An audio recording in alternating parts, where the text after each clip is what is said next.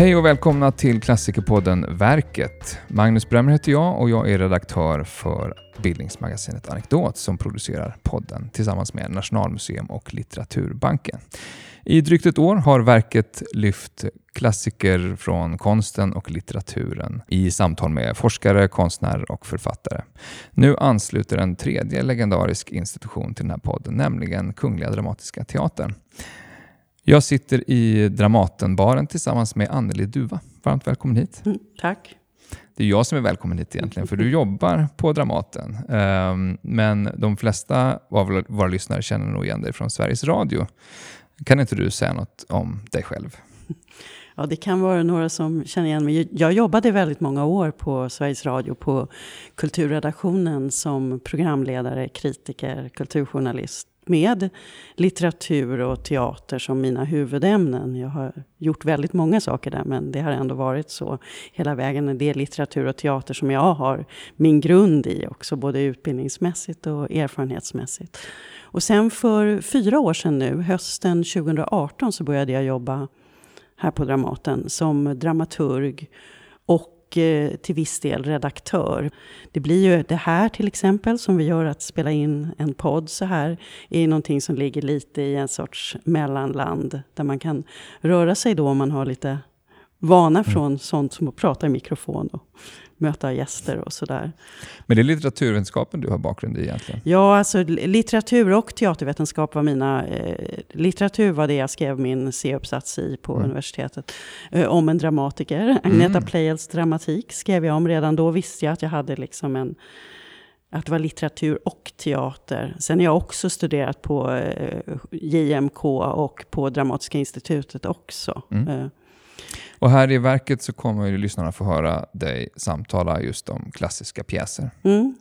Hur kommer det sig att Dramaten vill prata om klassiker just? Jo, men det är väl inte så konstigt. en, eh, en del av eh, en nationalscens uppdrag är ju faktiskt att spela klassiker och att förhålla sig till det litterära arvet också. Inte minst det svenska litterära, litterära arvet, men även alla de stora eh, dramatiska klassikerna finns ju, går ju fram och tillbaka och återkommer med olika periodicitet på, mm. på repertoaren. Så är det ju. Och så är det ju om man går ut och tittar på alla stora institutionsteatrar i Europa i alla fall. Så finns ju det spelet att man hela tiden rör sig mellan klassikerna och det nyskrivna. Mm. Och, och att man både vårdar och återupptäcker och nyupptäcker. Det är precis den blandningen man ska, man ska och vill syssla med. Mm. Verkets lyssnare kommer då alltså få lyssna på samtal om konst, om litteratur och om dramatik. Vad skulle du säga, vad är det mest speciella med dramatik skulle du säga, som konstform? Det är ju, vilket man väl antagligen kommer höra när man lyssnar, så är det ju att det finns, man kan ju läsa dramatik. Det är ju en av de ursprungliga litterära genrerna ända från Aristoteles tid, som vi vet. Eh, så att det är ju litteratur. Men sen så är det ju det att dramatiken just hela tiden blir uttolkad och spelas på olika sätt och av olika både skådespelare och regissörer och eh, scenografer. Den omtolkas ju. Vid varje uppsättning är ju en ny tolkning av den dramatiska texten. Och det är väl det som är lockande om man då tycker om teater så tycker man ju att det är roligt det här med... För att det blir ju aldrig en upprepning. Utan det är ju alltid en sorts uppfinning i någon mening. Att, vad händer nu då? Vad händer? Och jag tycker det är otroligt roligt just med klassiker och se hur de har sina konjunkturer, för det har de också.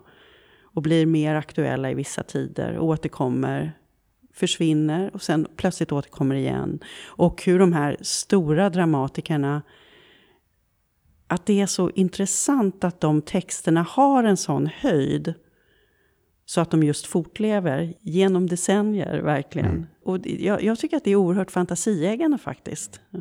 Det är både text och händelse och nyuppfinningar ja, i mm, mm. teaterhistorien. Mm. Eh, du kommer samtala med eh, teaterhistoriker, men också dramatiker och eh, dramaturger, skådespelare, andra som ja, är verksamma i teatern. Ja. Vad kommer vi få höra om? Ja, alltså det, det, är ju roligt här om man just kan göra så att det blir ett möte mellan någon forskare och någon konstnärligt verksam. Så att man får de olika perspektiven på de här verken. Och eh, idag så har vi spelat in här, innan du och jag pratar lite nu, eh, en podd om eh, Tennessee Williams pjäs Linje Lusta. Just det, det blir det första avsnittet. Ja, mm. och den hade sin urpremiär 1947 på Broadway. Eh, så det är väl vad man skulle kalla en modern klassiker. Jag vet inte riktigt hur gammal den behöver mm. bli för att inte längre... Eh, och en som har faktiskt en spännande historia inte minst i Sverige, där Tennessee Williams under 50-talet var den mest spelade dramatikern. En oerhört populär och spelad dramatiker. Mm.